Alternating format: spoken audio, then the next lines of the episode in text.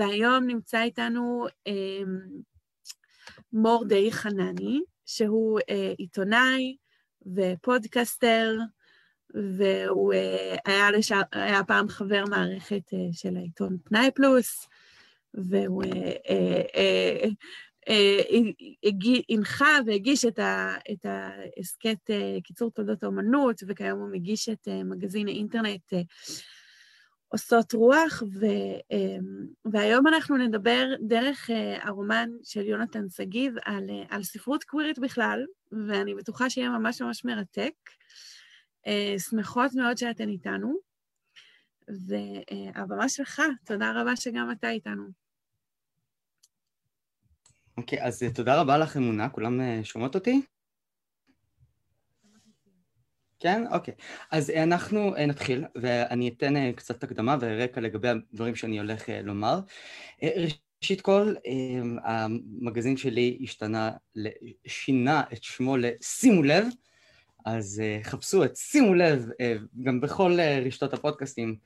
היום, בתקופה הזו של הקורונה, וזה גם דבר שחשוב לומר, אני מארח אנשי ספרות, תרבות, נשים פורצות דרך,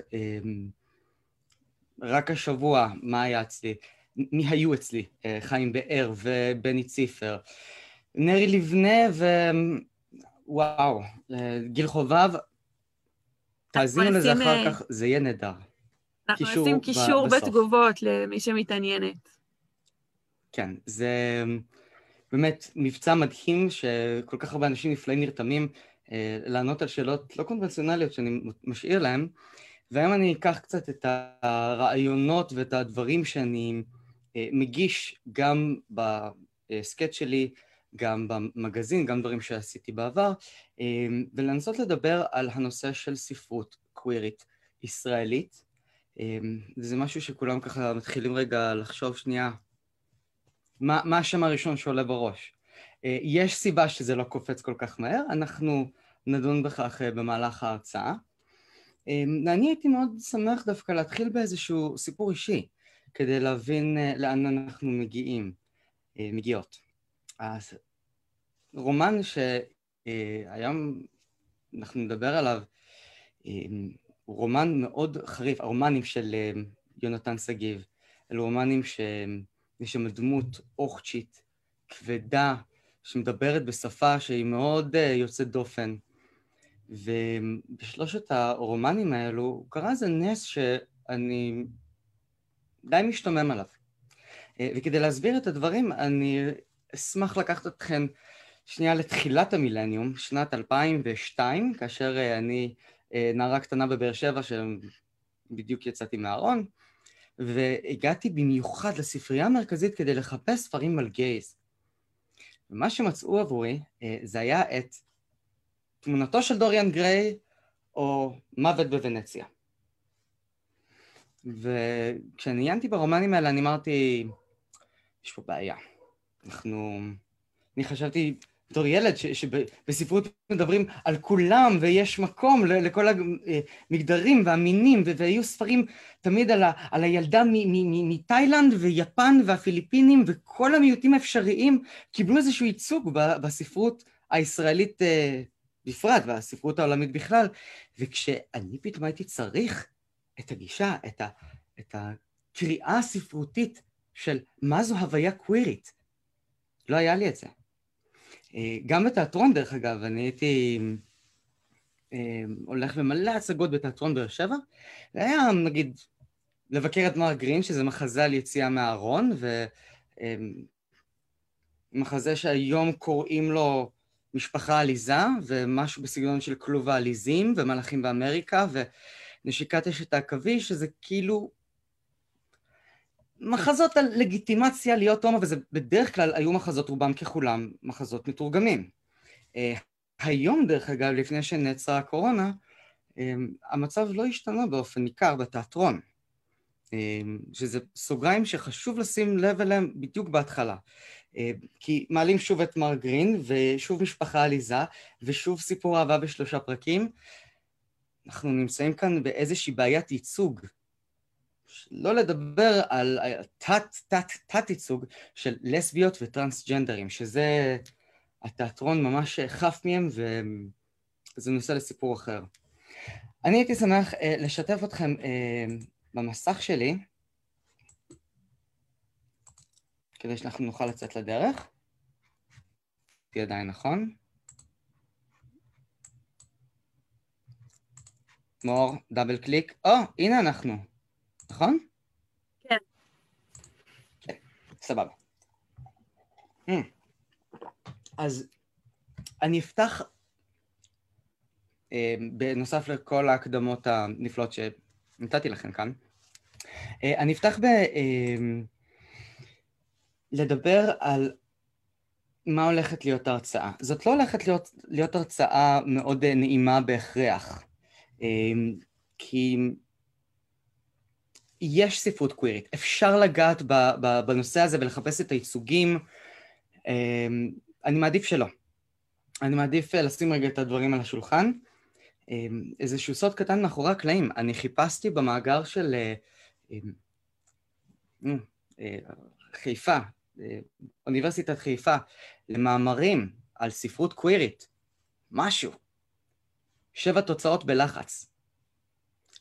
אז יש פה ממש פער עצור, כאילו איזה חור של מידע, גם במחקר, גם ביצירה, וננסה להבין מאין זה מגיע. סיפור על, על הדרה וחושך, אנחנו יוצאות לדרך. במה תעסוק ההרצאה? קודם כל, אז לסיפור היסטוריה קצרה של הספרות הקווירית הישראלית, אה, כי היו דברים. הדבר השני זה למה הספרות הקווירית לא השתלבה בנוף של הפרוזה הישראלית. אמ, זה מאוד מעניין ויש איזו נקודה שאבקש שתשימו אליה לב. הנקודה הבאה שאנחנו נעסוק בה זה האם הספרות הקווירית הישראלית פורצת במאה ה-21? האם יש איזה, איזה פריחה או שיש כאן, אמ, או שאנחנו מדדים מאחורה? דבר אחרון זה כמובן עודד חפר, החופרת, שימו לב לבלש ולמקום של הבלש ולמקום של האאוטסיידריות שלו אמ, כדי לנסות להבין כיצד אנחנו הגענו לשלושה רומנים בתוך שש שנים עם דמות כאמור מאוד יוצאת אה, דופן. לא, אנחנו נחזור רגע אחורה, מה אני עושה? אה, אז שלושת הספרים שאנחנו נעסוק, שאנחנו נעסוק בהם אה, זה אין סודות בחברה, דברים ששתיקה יפה להם, והרומן האחרון, הצעקה האחרונה. לא, העיצוב הנפלא שלי בפאורפוינט, אני לא רואה את הכותרת שלו. אה, בשלושתם מדובר בקצרה על עודד חפר שנקרא חופרת, בלש, אוכץ', שמן, דחוי, בן 35, בלי חברים, אפס מאופס שתמיד מתגלה בתור איזה שוטת הכפר, תמיד החושים החדים של ההומואית הממורמרת אה, עוזרים לה לפענח את כל התעלומות, וכמובן שיש פה משהו שהוא מאוד כיפי ו- וצחוקי ומקאברי קצת, אה, ועלילות שהן תמיד מתחילות ב... בוא נמצא איזה אה, חתולה של דיירת בבית אבות, או נגלה למה איזה ילדה כוכבת פופ לא מוכנה להיכנס לאולפן ההקלטות ומה עובר עליה. ותמיד זה מתגלגל, ותמיד החטטנות אה, שלו, שלו שלה, אה, יש בזה משהו שהוא גם מאוד מאוד מצחיק, גם יש פה איזושהי חשיבה אחרת, חשיבה פופית, חשיבה של גלם, חשיבה של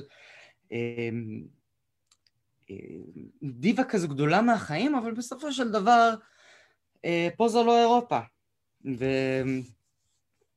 והדברים האלה הם כמובן מאוד מאוד משעשעים, אבל יש את הלילות הארוכים והעצובים, והתחושה הזו של מי אני, ואם מישהו רוצה אותי, אז זה בגלל שהוא באמת רוצה אותי, או בגלל שמדובר כאן במישהו שנשלח אליי בתור איזה נער ליווי. אמ, שאלות שהן שאלות מהותיות, ואנחנו נגיע אליהן שוב בהמשך ההרצאה, וזה יהיה העוגן שלנו. מעין איזושהי שממה שבתוכה, ש, שפתאום פורחת האוכצ'ה הזו, בלב השממה הזו. אמ, ואני מודע לכך שאני לא אזכור את כל הרומנים הקווירים שיצאו בארץ אה, מאז ומעולם. אנסה לעשות אה, כמיטב יכולתי. אמ, ואנחנו נפתח בהיסטוריה הקצרה של הספרות הקווירית העברית. אמ, הגילוי, אחד הראשונים, כאשר אני מדבר על העברית המודרנית, נעזוב רגע אה, מקרא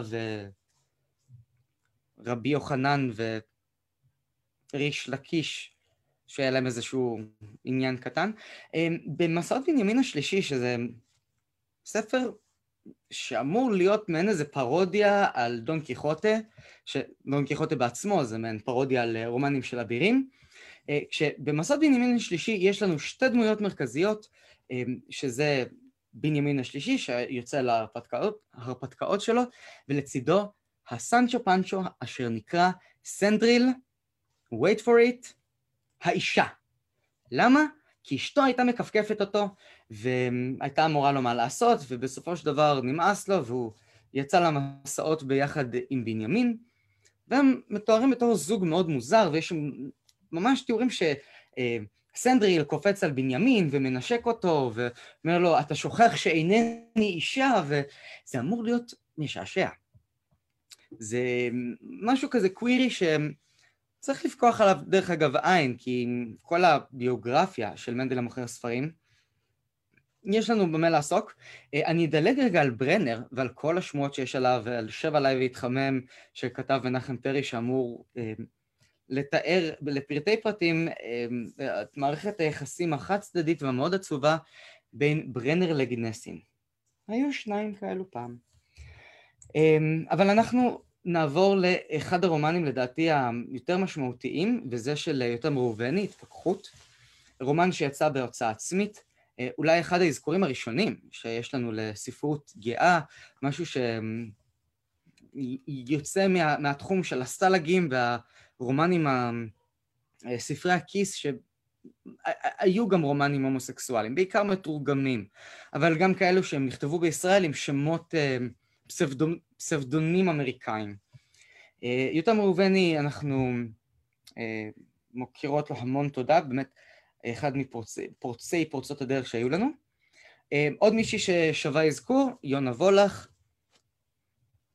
כל מה שקשור למגדר ומיניות, נשים את זה רגע בצד, אני פשוט מודע לכך שבכל קשור ל... בואו נדבר על ספרות, אה, אני משתדל לדבר כמה שיותר על פרוזה, אבל אה, זה אזכור שכל הזמן עולה. המיניות, הנשיות, אתה חברה שלי של אה, יונה וולך. אמ, עוד רומן שהיום עשה איזה אה, שיבה מפוארת לחיים, זה הסדרה של הדווקאים. שלושה, שלוש נובלות שכתבה רינה בן מנחם בכל מיני שמות בדויים. לא רומן טוב, אה, ביקורות לא התלהבו, אבל זה מתאר את חיי ההומואים ובעיקר הלסביות בשנות ה-60 של תל אביב. אה, יש לציין שזה מאוד מפתיע, זאת אומרת, היה, היה, היה לזה איזשהו הד, היה לזה איזשהו... הכירו את השם שלה. משום מה, השם הזה נעלם במשך הרבה שנים, וטוב שזה חזר למדפים. אמ, לקראת מפנה המאה יש לנו את אה, יוסי אבני, שמפציע עם גן העצים המתים. אמ, גם כן אחד הרומנים הקווירים הראשונים שבאמת מדברים על הומוסקסואליות ועל אהבה בין גברים.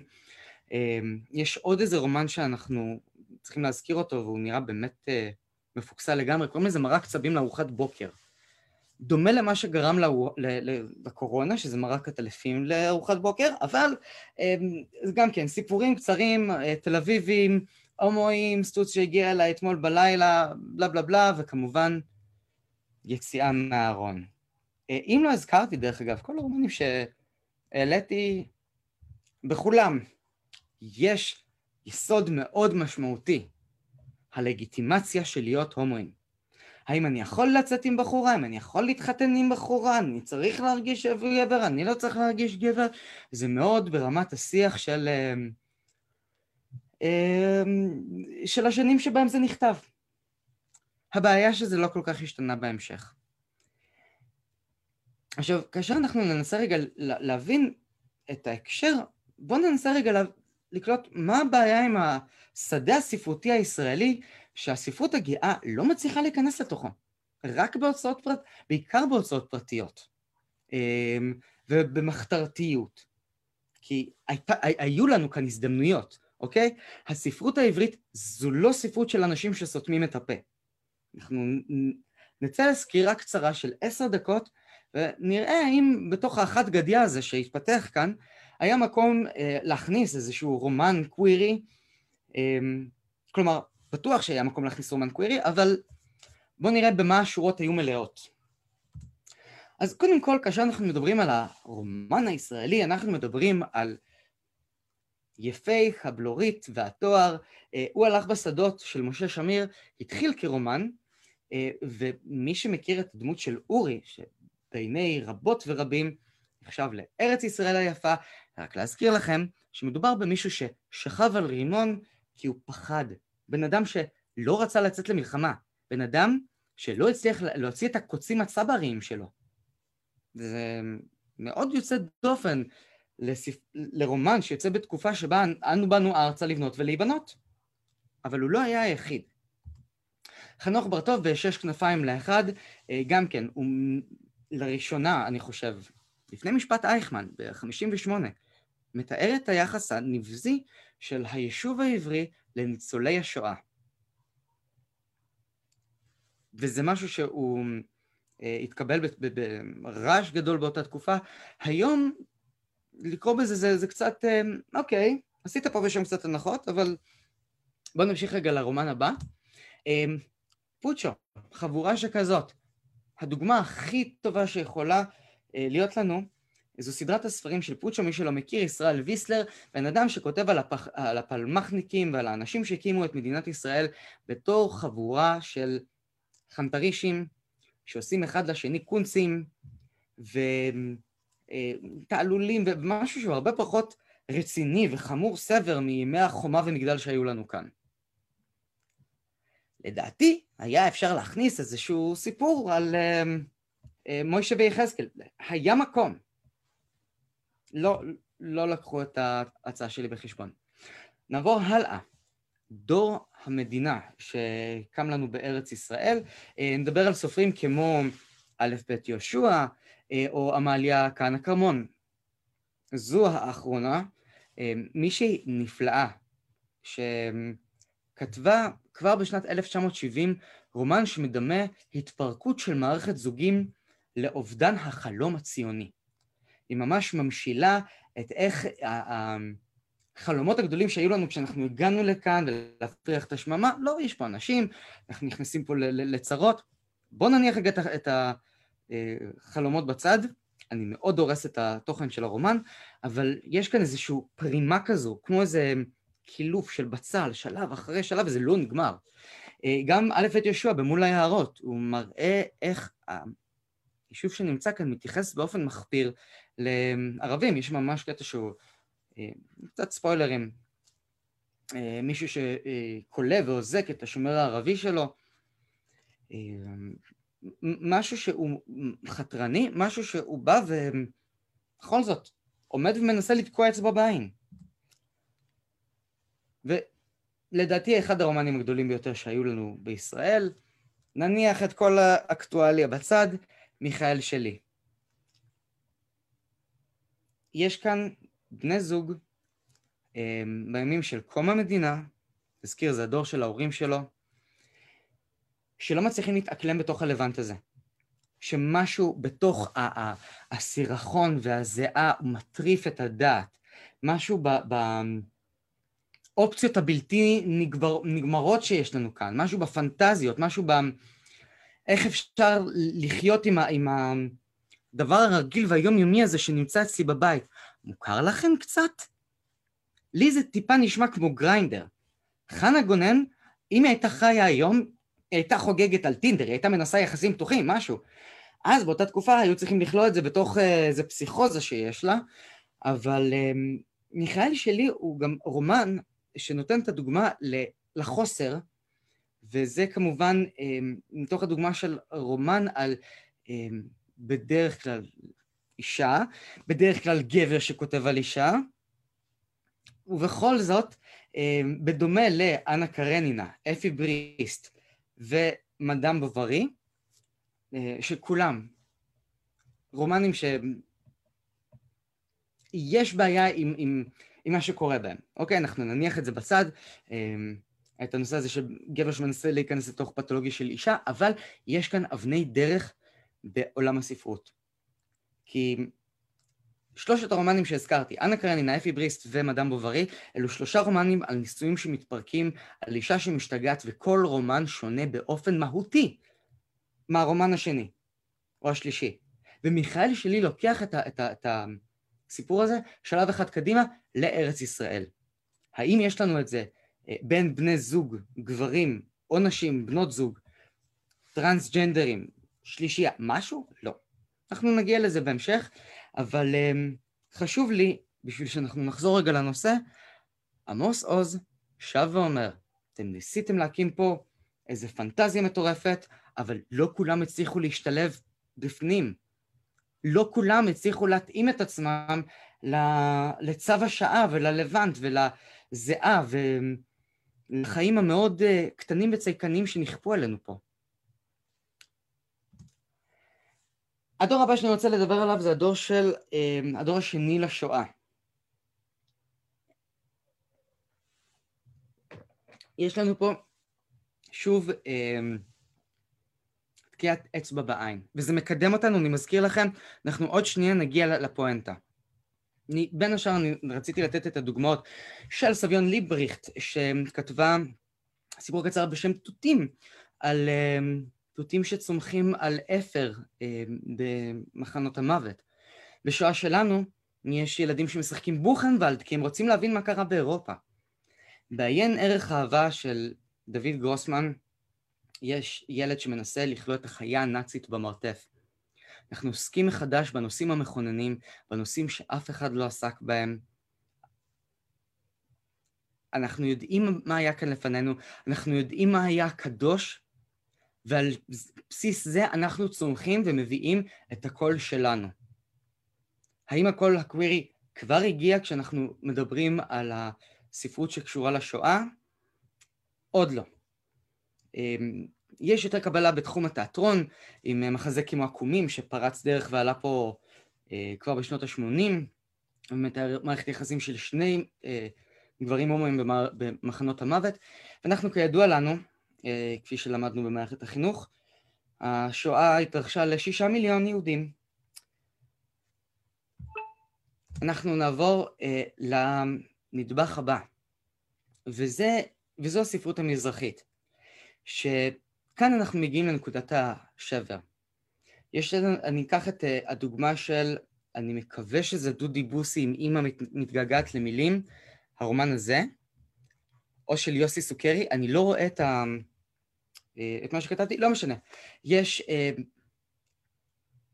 באחד, באחד הרומנים שמוצגים כאן, uh, שקוראים לו אימא מתגעגעת למילים, מתואר יהודי שיורד לגרמניה והוא ממוצא מזרחי, ובמובן מסוים תופס טרמפ על השואה. הוא, הוא פותח חנות נעליים ומצייר מגן דוד, ונהנה מהפרסטיג' שהיהדות נותנת לו. אף על פי שאימא שלו סבלה מאוד מהאשכנזים, אמ, כי היא באה מהגלות, מה, מה, אה, מזרחית, אה, והיא לא קשורה לדבר העצום הזה שאנחנו צמחנו ממנו, השואה. אמ, ברומן סוסית של לאה עיני, זה אני יכול לומר בוודאות כי אני רואה את השם של הרומן, אמ, אתם, יש אה, סיטואציה שבה היא מתארת את אישה, לא זוכר אם זו אימא שלה, שמספרת על איך עוד במחנות המוות באושוויץ הייתה את ההתנשאות של הפולנים על הגרקוס האלו, היוונים שהגיעו מיוון. כולם עמדו מול תאי הגזים, ועדיין הפולנים, האצולה הפולנית, לטענתה, ראה את עצמה שווה יותר. אה, גם באמיליה ומלח הארץ, אה, אני חושב שזה של יוסי סוכרי? לא משנה, סליחה. אה, יש את היחס לשואה בתור איזה נדבך שמקשה על ההשתלבות של המזרחים בארץ. אנחנו לא סבלנו מספיק, אנחנו לא נתנו מספיק, אנחנו גלותיים מדי, משהו אה, שלוקח את מה שהיה לפנינו, את, את השואה והתקומה, ואומר, רגע, רגע, רגע, רגע, אבל מה איתנו? שכחתם אותנו. וכאן אני מגיע לנקודה שלי.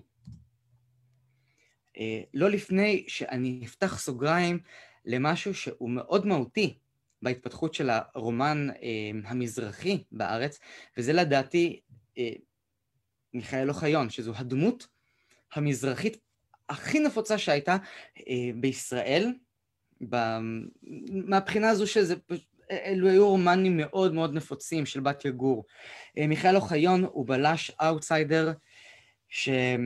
מגיע לאקדמיה ומגיע לקונסרבטוריום ומגיע לקיבוץ ומגיע לכל אה, מיני מקומות שבהם בדרך כלל שולטת האליטה האשכנזית והוא המזרחי הקטן בא והופך את כל הפסאדה הזו כמו שהופכים גרב מבפנים החוצה.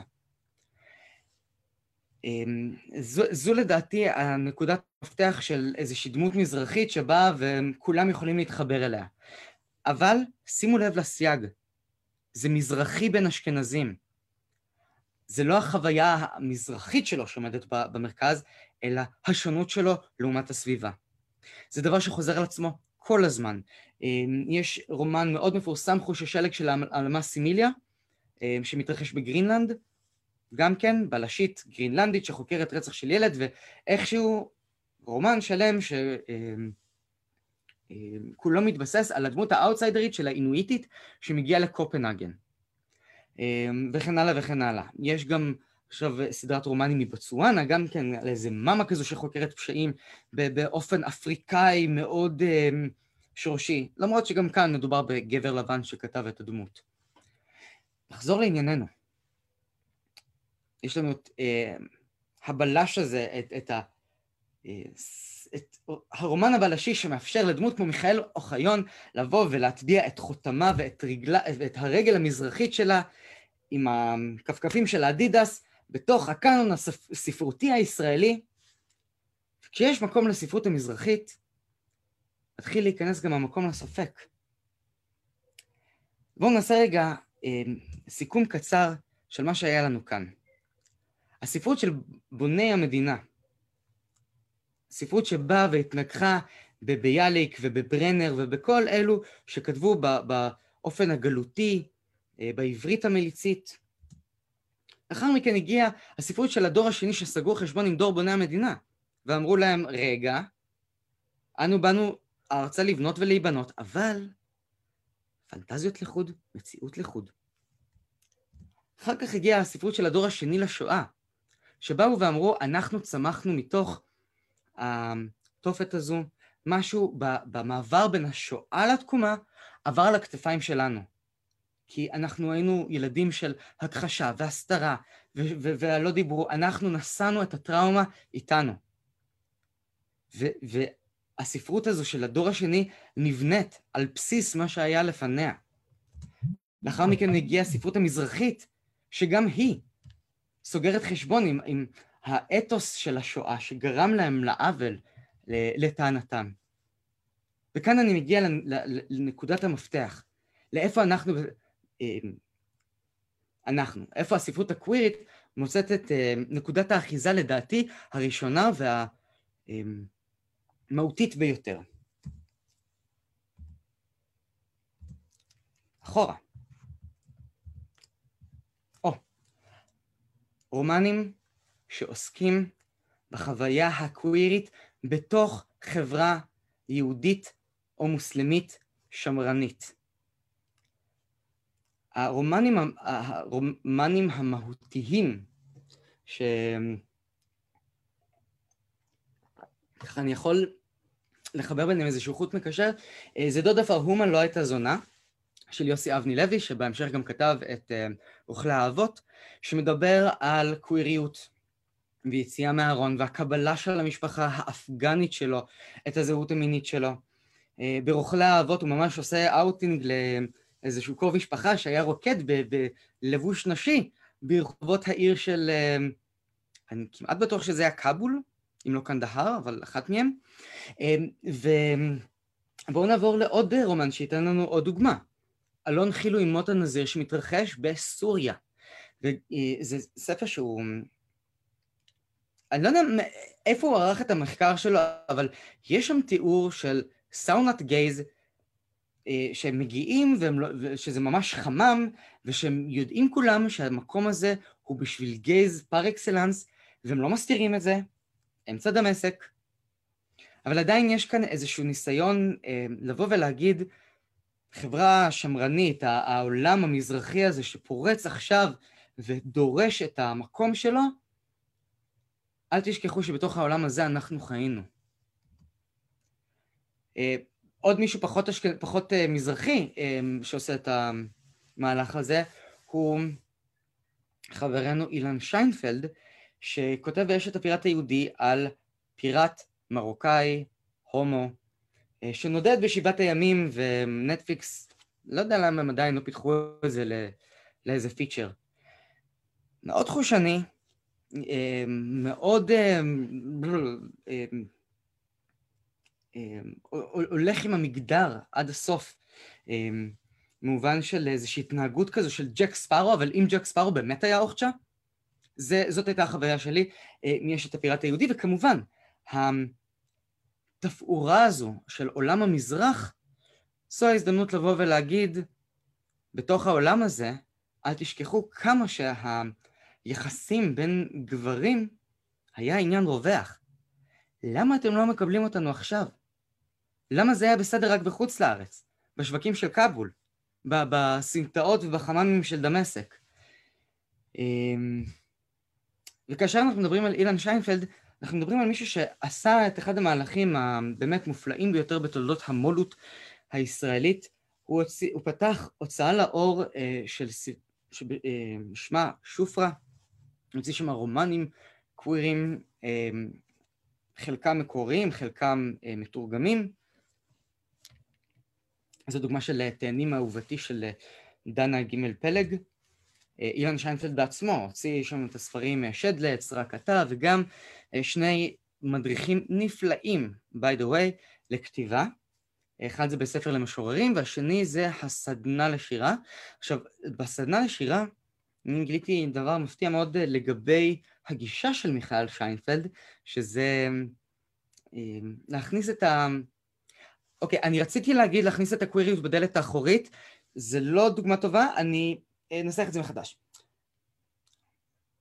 זה, לה, זה, זה, זה להמתיק את הגלולה הקווירית. הוא מדבר על, על שירה, הוא מדבר על איך בנוי שיר, והוא נותן בזו אחר זו דוגמאות של שירים קווירים uh, בין גברים, והוא נותן עליהם את הדוגמאות הכי פשוטות שיכולות להיות כאילו זה איזשהו חלק מהקאנון. היום זה דבר אה, מדהים וכמובן מאוד בסיסי שעושים. אה, יש הרבה יותר אה, אה, פתיחות לספרות קוויר, לשירה קווירית. אה, אבל כאשר הוא עשה את זה בתחילת המילניום, זה אה, גרם לאנשים להרים גבה.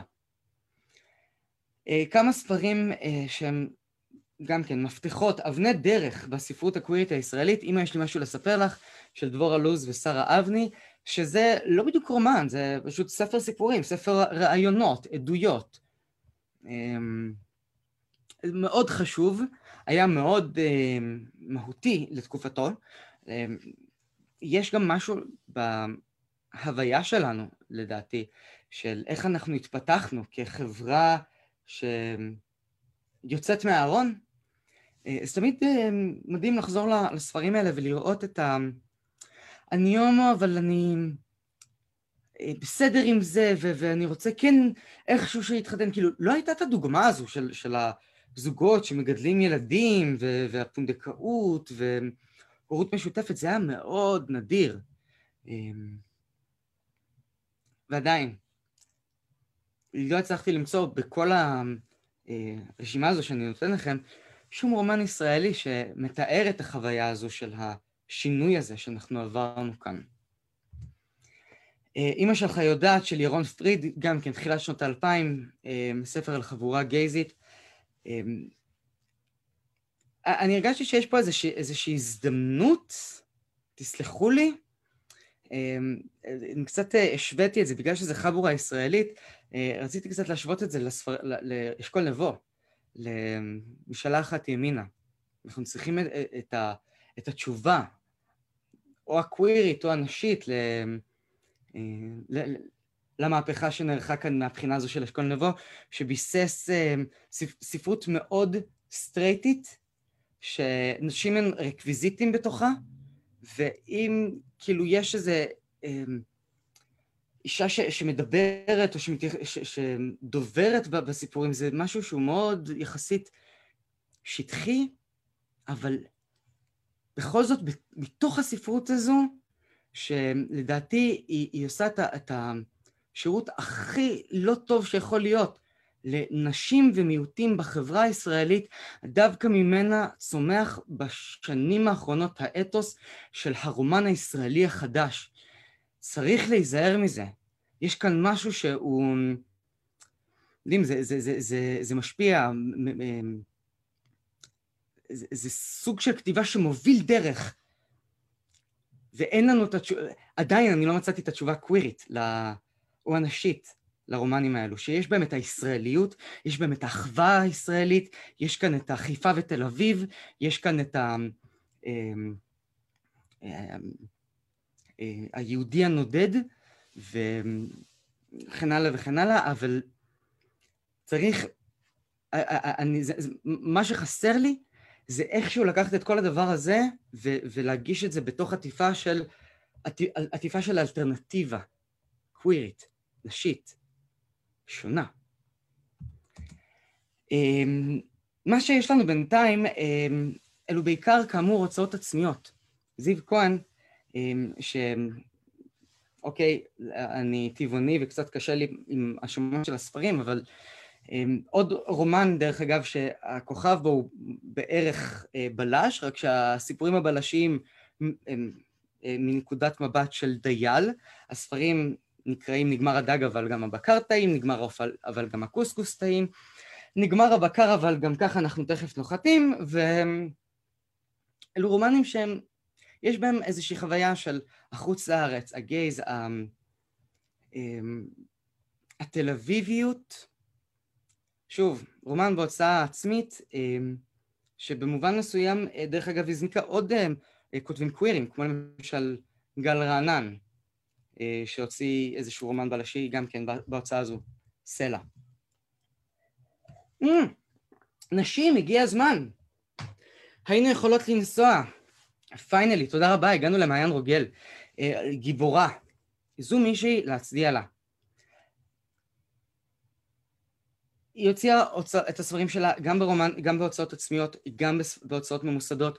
יש לה סדנה לספרים, סדנאות לכתיבה. היא מאוד פעילה, אמ, גם ברשתות החברתיות דרך אגב. כל אה, מי שיש לו איזשהו משבר כתיבה הכי קטן, או נתקע עם ההוצאה שלו לאור, היא כל כך עוזרת וכל כך נותנת. אמ, ויש לה אמ, מערכות יחסים בין נשים שהן יצא לי לפני כמה שנים להדריך בוועד למלחמה באיידס, ויצא כמה פעמים שבני נוער אה, ניגשו אליי ויצאו מהארון. ואיכשהו הרוב המכריע של הבנות שניגשו אליי, אני הייתי מפנה אותן לספרים של מעיין רוגל. אה, אני גם אה, ממליץ לכם על מה את כבר יודעת, ועל גם קופים נופלים מעצים. זו אישה שנותנת נוקאוט, היא גם חגורה שחורה בקראטה, אז מה זה בשבילה להוציא ספר בהוצאה עצמית? קטן עליה.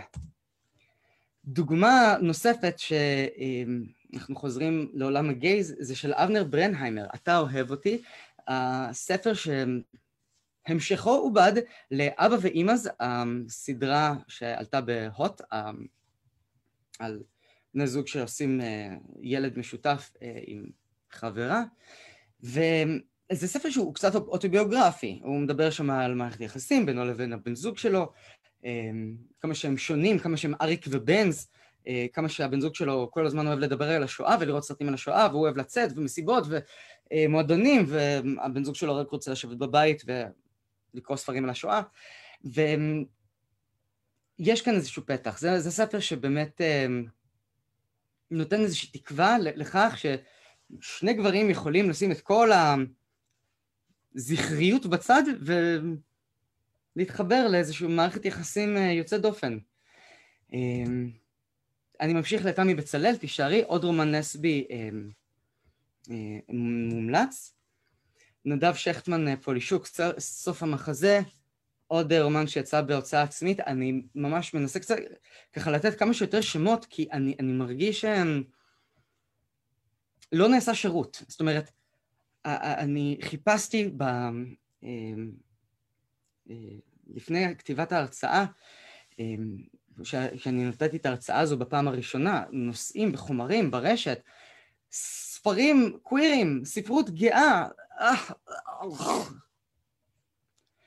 אז אמ, יש הרבה מאוד דפים, הרבה מאוד דפים לא מעודכנים, גם אצלי באתר יש עמוד של ספרים גאים, אנחנו נוכל להוסיף את הקישור למטה.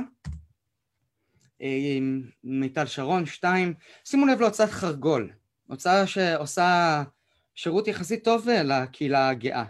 עד כה היו פה לא מעט ספרים שיצאו בהוצאה הזו, אמ, ואני חייב, לפני שאנחנו נחזור למקור שלנו ולמהות של לשמה התכנסנו, וזה יקירנו יונתן אמ, שגיב, פיינלי, אמ, רומן טרנסג'נדרי, אמנם גם רומן אה, שהוא אוטוביוגרפי. זלמן שושי, אה, לדעתי זה אחד הספרים הכי עצובים שאני קראתי בחיים שלי, אני חייב לומר. הוא מתאר את אה, ההתעללויות המיניות שהוא עבר ואיך שהוא נהנה אה, מתשומת לב ו... היחס שהוא קיבל כשהוא היה זונה ברחוב, וככל שעברו השנים והתמעטו הלקוחות, אמ, הוא הרגיש יותר ויותר לבד, ואיכשהו כל העניין של המגדר והזהות וה... וה... מי אני, והגבר והאישה, זה מתערבב בפנים, זה הופך קרביים וזו עדות אילמת. אחד הספרים הבודדים שקשורים להוויה טרנסג'נדרית, אה, או א-מגדרית, איך שלא נקרא לזה, אה, שנתקלתי בהם בישראל. רומן מפתיע מאוד, האורחים של אופיר טושה גפלה. אה, רומן שהוא ככה חצי מדע בדיוני, שמתחיל באיזשהו מאורע מחולל מאוד יוצא דופן, שבו כל אחד לפני כדור הארץ קם בבוקר ומוצא מחוץ לדלת שלו את זוג הנעליים שהוא חלם עליהם. אמ, ונוסף לכך, כל אדם ששונא מישהו באופן ממש מהותי, הופך גם להיות מישהו, הופך להיות הבן אדם שהוא הכי שונא. ויש אנשים שנעלמים. עכשיו, הדובר ברומן הזה הוא גבר שמאבד את בן הזוג שלו, יותם. אה, ומשהו באובדן הזה, משהו במערכת היחסים ביניהם, בכך שהוא פוגש אותו באמצע הרחוב, ו... נדלק עליו רק כי הוא קורא את הספר בשם עזה פינקלר ומתפקע מצחוק. אומן שמתאר איך שני גברים יכולים לנהל בתוך המערכת יחסים ש... שהאובדן שלה הוא אובדן שאין לו אח ורע מבחינה ספרותית. ניקח את כל הרומנים הגדולים על, על הנשים העגונות, הנה, יש לנו פה גבר הגון, מתוך איזושהי קטסטרופה עולמית, אמ, וההוויה הגאה הזו כל הזמן נמצאת שם ברקע. אני ראיינתי את אופיר תושה גפלה לפודקאסט שלי, הסכת תרבות הוא נקרא אז, כאשר אני שאלתי אותו, מאין הבקיאות הזו בשני גברים שמנהלים מערכת יחסים אחד עם השני, אה, כדי להבין מה הוא ענה לי ומה העמדה שלו, אתם תצטרכו להיכנס ולהאזין לפרק. נוסיף גם את הקישור אמ, לראיון עם אופיר תושגפלה. אה, עוד אה, דוגמה אחת אחרונה לפני שאנחנו ניקח איזשהו צעד אחד אה, ממש לקראת הסוף ונפתח את הצמצם שלנו, אורנה קזין גם כן, פעילה ענקית, היא, היא במשך שנים היה לה איזה מועדון ספר גאה בפייסבוק ומה לעשות, זה, זה קשה לנהל, זה קשה לעשות את זה בהתנדבות, זה קשה כשאין איזשהו גוף או ארגון שעומד מאחורי אמ, מאחורי הדברים האלו. ספרות אה, לילדים יש הרבה. נשים את זה רגע בצד ונתקדם הלאה. אמ, ואני רוצה לפתוח רגע את הצמצם שלנו ולהבין רגע, אבל מה קורה בינתיים בשאר העולם? אתן לכם כמה דוגמאות ומיד יקפוץ לכם לראש. אתם תראו שרק בשנים האחרונות, מה ששייך לך זה המון נסתר של הלב, החתול שלי יוגוסלביה, חוף לובייבו, ואלו רק ארבעה רומנים קווירים שמדברים על גייז במזרח אירופה. עוד דוגמאות אה, רווחות מאוד. די כבר עם השקרים שלך, של פיליפ בסון, קרא לי בשמך של אנדריה סימון, וחיים קטנים של הניה יונגי הריה, אלו שלושה ספרים שהם היו רבי מכר. אה, וזה צובט את הלב, שיש כזו הצלחה, אבל למשהו שהוא הוא לא מפה. וגם, יש לי הסתייגויות, כי קרא לי בשמך, עם כל הכבוד, זה רומן פדופילי. חיים קטנים של הניה יונגיאריה זו אישה סיסג'נדרית סטרייטית שכותבת ספר מלא תשמוצות על ארבעה גברים אה, הומואים, איזושהי פנטזיה על איך חיים של גזע אמורים להיראות. אה, אני קראתי את הספר הזה ואני נעלבתי, חייב לומר. אה, משהו שהוא בקצרה, ממש, in nutshell, מישהו שסבל כי אה, פדופיל אנס אותו, ואז פדופיל אחר אנס אותו, ואז פדופיל אחר אנס אותו, ואחרי 600 עמודים הוא מת. וזהו. והיא גם אמרה את זה בראיונות. אני בחרתי לקחת דמות שהקיום שלה רק הולך ונהיה יותר ויותר גרוע, והמצב שלה רק הולך ומחמיר, ואיכשהו להלביש את זה על דמות של גיי לא מרגיש לי נעים. אבל זו הערה שלי. עוד שלושה ספרים ככה אחרונים שכולם מדברים עליהם, ארץ אחרת של ג'יימס בולדווין, לא מאוד חדש, לס של אנדרו שרייר, אמ, אה, שון גרייר וסודו של המרכיז, אמ, אני כבר לא זוכר, דולורס, אה, כן, גם סודו של המרכיז, זה רומן סיסג'נדרי, לא משנה. למה זה קורה? פתחתי uh, אתר שבודק את ה... קוראים לו K-word, K-word tool, בודק את המילים המחופשות ביותר. המילים שמחפשים אותם הכי הרבה בגוגל. תפסתי ספרות גאה. אז מחפשים ספרות גאה לנוער, ספרות גאה לילדים, מקום שלישי שמחפשים ספרות גאה מתורגמת. ספרות גאה ישראלית, ספרות גאה מקורית, זה עלינו. ההיעדר הזה. ולפני שאנחנו ניכנס רגע לסוד הקסם של יונתן שגיב, אני חייב אמ, להשלים פה איזשהו עניין קטן בנושא הזה של הספרות הגיעה, כי אנחנו כל כך מתקדמים, כל כך הרבה תחומים. ב- ב- בטלוויזיה, והייצוג הקווירי בנטפליקס זה משהו שהוא, באמת, הוא מעבר לכל דמיון, אבל רומן נותן משהו שלא מקבלים משום מקום אחר. אם היה מגיע לכאן חייזר מכוכב לכת אחר, הוא היה בוחר את כל הספרות הקווירית הישראלית לעבריות, והוא היה חושב, מה קורה כאן? למה, גייז ישראלים לא התבגרו בתחילת שנות האלפיים, בשנות התשעים? אה, לא, לא, לא הייתה איזושהי חוויה ש, ש, שפתאום כולם יוצאים מהארון, כוכב נולד, משהו כזה? איפשהו אני, אני, אני, אני נצר לי על, על אותם ילדים שמחפשים את התשובה שלהם, לא בנטפליקס ולא באינטרנט. מנסים למצוא את, את ה... כמו שיש ספר על כל נושא שבעולם, על ההורים שמתגרשים, על, על, על, על שכול, על הדברים הכי איומים שיכולים להיות. מעטים הספרים על, על היציאה מהארון בישראל, ועל מה שאנחנו עברנו פה. ובתוך זה בואו נדבר על סוד הקסם של אה, יונתן שגיב, חמש דקות אחרונות, ונפתח לשאלות, בסדר? אמ, יונתן שגיב, אמ, דברים, הספרים שאנחנו עסקנו בהם, אמ, אני חייב להודות, כתבתי פעם ביקורת נפלאה לגבי הספרים האלו שאני חושב שהם טובים מאוד, הם מצחיקים. אלו רומנים היסטריים, אה, אה, במובן הזה ש... אה, יש עלילה בלשית, אבל יש כאן את ההוויה הקווירית שנכנסת לתוך העולם הסטרייטי הזה, ואומרת, אתם לא רואים את הדברים כמו, כמו, כמו שצריך. אתם שופטים אותי לא נכון. יש פה משהו שמעבר לחזות, יש פה משהו שהוא מעבר לנלעגות, אבל יש כאן נלעגות, בכל זאת. אמ, הרומן השלישי שלו, דרך אגב, זה שקוראים לו הצעקה האחרונה, הוא עוסק בטרנסג'נדר, אה, שניים אפילו. אה, שני טרנסג'נדרים אה, ופרשיית רצח, וכל מה שקשור ליחס של החברה.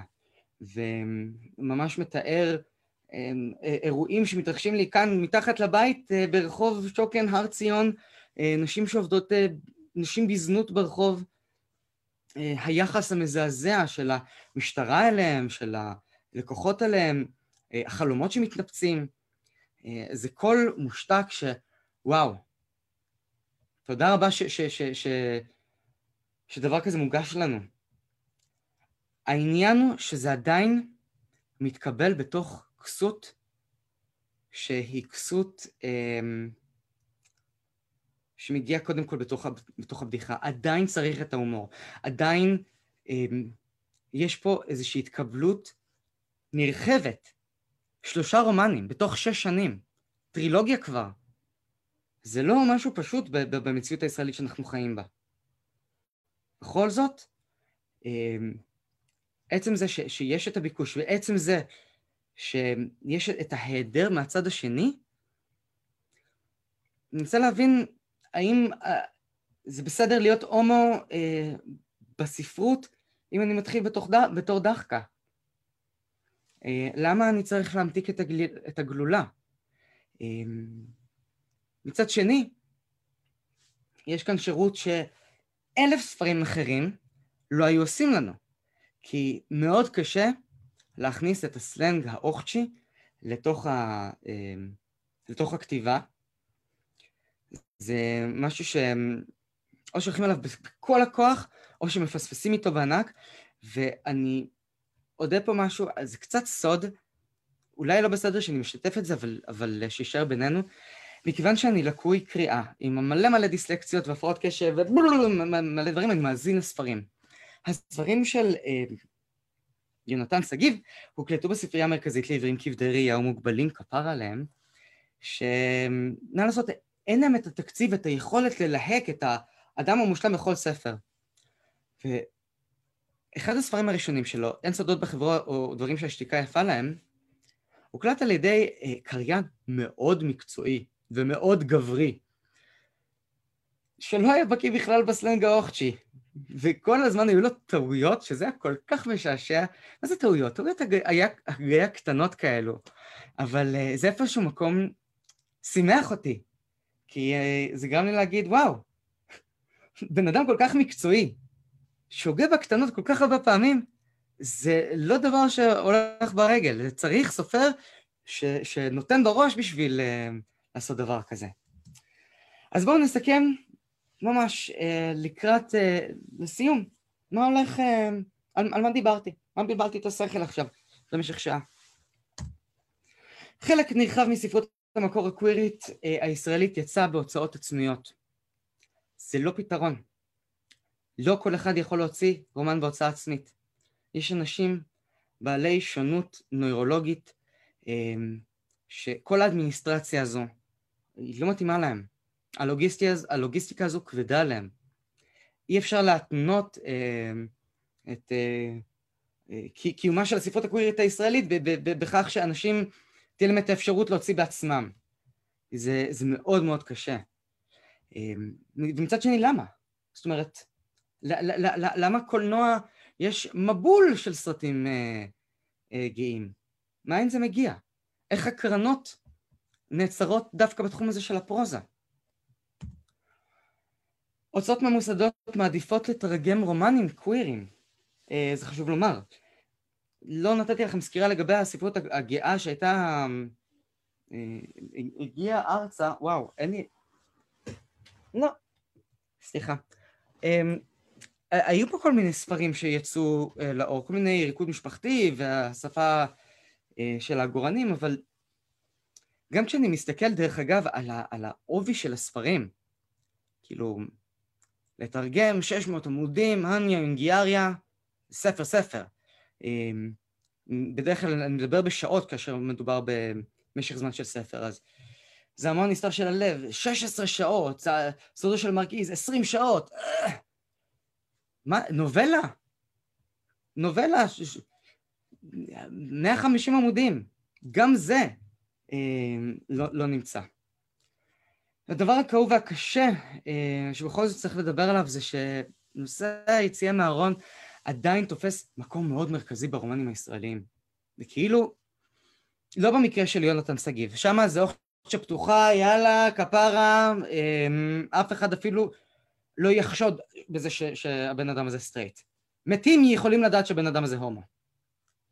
אבל כמעט כל רומן אחר, יש שם את הסצנה של היציאה מהארון, ואת היד על הכתף, ואת החיבוק, ואת ה...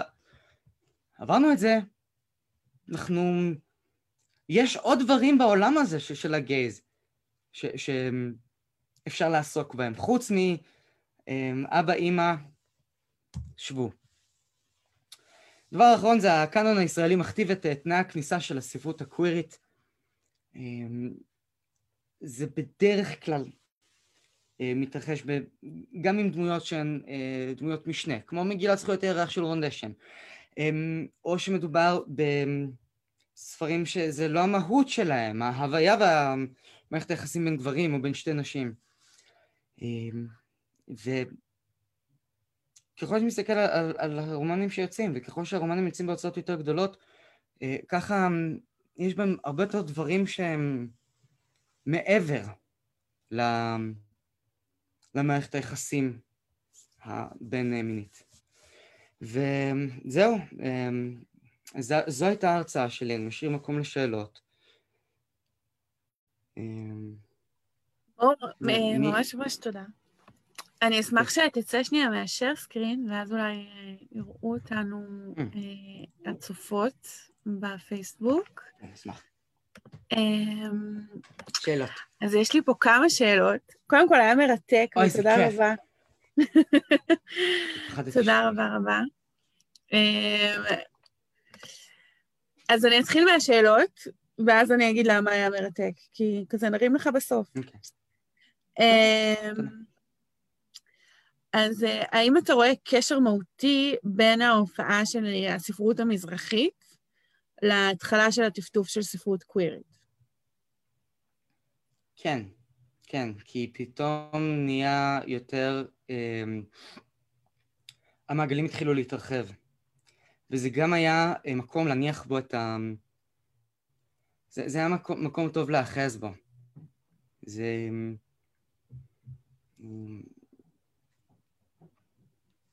תראו, הכתיבה המזרחית, צר לי שאני אומר את זה, אני יצא לי לראיין את שמעון הדף אה, על העניין שהוא כותב כל כך הרבה על שדרות, אבל נקרא כל כך מעט בשדרות.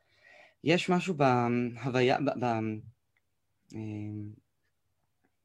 בפנייה של הרבה מהסופרים והסופרות אה, בעולם המזרחי, שהקהל שלהם הוא הקהל היותר אשכנזי, הקהל היותר, מה שנקרא, משכיל, אנשי ספר, אה, שבמקרים רבים גם מתייחסים לכך בתור ספרות אקזוטית.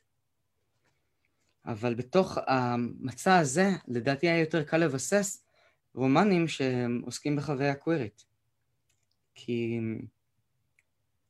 בוא נאמר את זה ככה, אצלנו באירופה לא ממש, אה, זה, זה, זה לא היה נפוץ, היחסים בין גברים, כמו שזה היה נפוץ בארצות המזרח. האומנים הקווירים גם אומרים, אה, כפי שטענתי, זה היה קיים במקומות שמהם הגעתם, אז אל תכחישו. אני, אני ממש רואה את זה מתקשר לעוד שאלה ש, שקיבלנו, ש, שדיברת בעצם לקראת סוף ההרצאה שלך על שני תפ... הזכרת כאילו בדרך אגב, אבל אה, בצורה מאוד יפה, אה, שני תפקידים של ספרות קווירית, שאחד הוא, הוא איזשהו כלי לחיפוש הזהות אה, שלנו, והשני הוא סוג של הסברה לחברה הסיסטרייטית. אה, אה, יש פה שתי שאלות, שאיזה מהתפקידים הוא יותר משמעותי בעיניך, וגם אם יש עוד תפקידים של הספרות הקווירית בעיניך. אמ, תראו, הספרות הקווירית, קודם כל, לדעתי, זו ספרות של תקומה. אנחנו לדעתי זה, זה המשמעות הכי חשובה שיש לה ואין לה. שיכולה להיות לה. כאשר קמה מדינה, ההוויה הישראלית, מה שאנחנו בנינו כאן, משהו שהיה נורא חשוב שיעלה על הכתב, התיעוד הזה.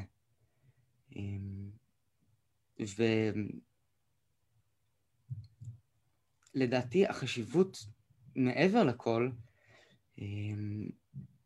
תראו, אנחנו כל הזמן שומעים בחברה הסטרייטית על כמה שהספרות היא מצילה וגואלת, ולמצוא את עצמי ברומן וביבליותרפיה וכדומה, אבל אני לא יכול למצוא את עצמי לא במיכאל שלי, לא באנה קרנינה. מערכת יחסים בין שני בני זוג, תטעו אותי אם אני צודק, אני כשאני הייתי בן 16 ואני הייתי מאוהב במישהו, אני הייתי רוצה להיות הוא. אני הייתי מתחיל להתלבש כמוהו. זה, זה משהו שגם היה מאוד נפוץ סביבי. זאת אומרת, המקום הזה של, ה, הלהתמזג, העניין הזה שאנחנו שני בנים, אין את החוויה הזו. זה, זה, זה משהו שהם... כאילו, עצוב לי לדעת שיש אותו ל, ל, ל, לכולם, וגם באוניברסיטה שולחים אותי קורסים על ביבליותרפיה, ו... אה, למצוא את עצמי, את הזהות שלי, אבל יש פה אבן נגף.